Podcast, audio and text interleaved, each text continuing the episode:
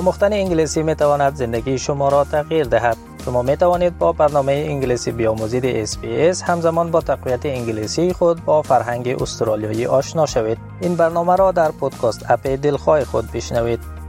شما با پروگرام دری رادیوی SBS هستید. در استرالیا و بسیاری کشورهای دیگر جهان معمول است که مردم در آغاز هر سال نو تعهدات می کنند و تصمیم می گیرند که در جریان سال نو از بعض عادات زیانمند و غیر صحی دست بردارند و یا هدف را برای خود تعیین کرده و تعهد می کنند که در نیل به هدف یا اهداف تعیین شدهشان کار و تلاش کنند. در سال جاری که وضعیت اقتصادی و مالی خانواده ها در اثر تورم و بلند رفتن مخارج زندگی و همچنان افزایش بزرگی در نرخ سود زیانمند شده یک تحقیق دریافته است که مردم استرالیا به حیث بخش از عزم و تصمیم سال نوشان کوشش می کنند که مصارف خود را کاهش و پسندازشان را افزایش دهند.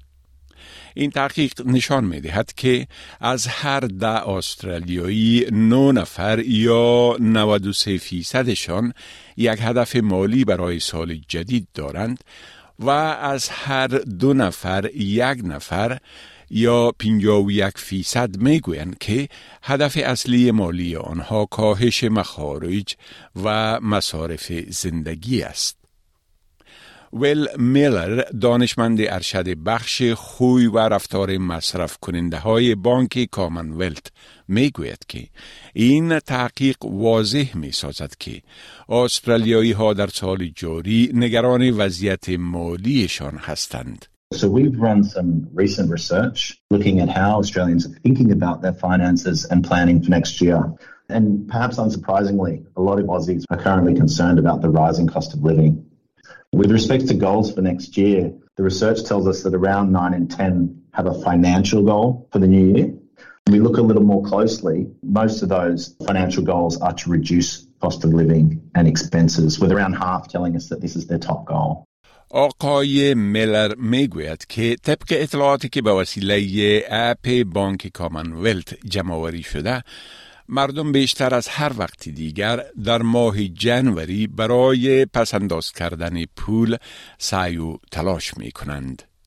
So the latest Combank app data tells us that when we look at the number of goals customers have created in our goal tracker tool, we can see January is still the most popular month to set a savings goal. For example, the number of goals created in the app in January 2022 was around 9% higher compared to the monthly average February to November of the same year. Our data also shows us that in 2022, 8 in 10 savings goals in the Combank app were reached. So it looks like it is having some success for many Aussies.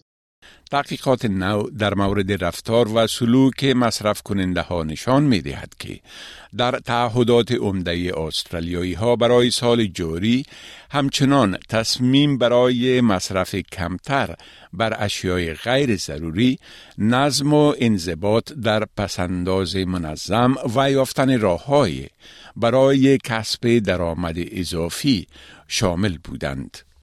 In terms of what types of financial resolutions the survey results are showing, along with reducing living costs and expenses, the research tells us around one in two want to spend less on non essential items. What's more, around four in 10 wish they were more disciplined to save more regularly.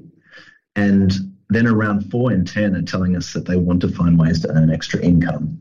معلومات نوی بانک کامنولت نشان می دهد که اهدافی که در سال 2022 به حیث تعهدات سال نو تعیین شده بودند سی فیصد به تناسب سال 2021 بیشتر بودند.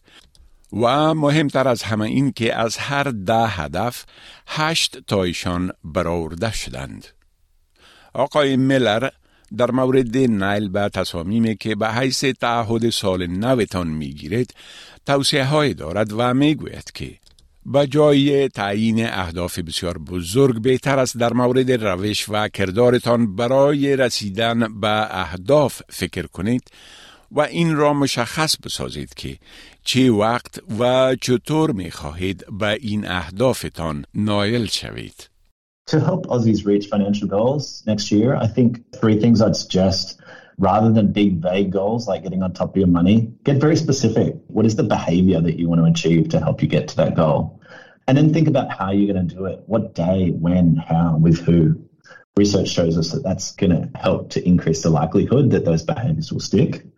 And then finally, don't rely too much on willpower. That's great to get started, but it can fade over time. Think about ways to use the app or use different tools to, to provide feedback, set up auto payments, set controls and limits on your spending. That'll just help take, take that pressure off the willpower and give you a better chance of following through on those goals. بپسندید، شریک سازید و نظر دهید. اسپیس دری را در فیسبوک تعقیب کنید.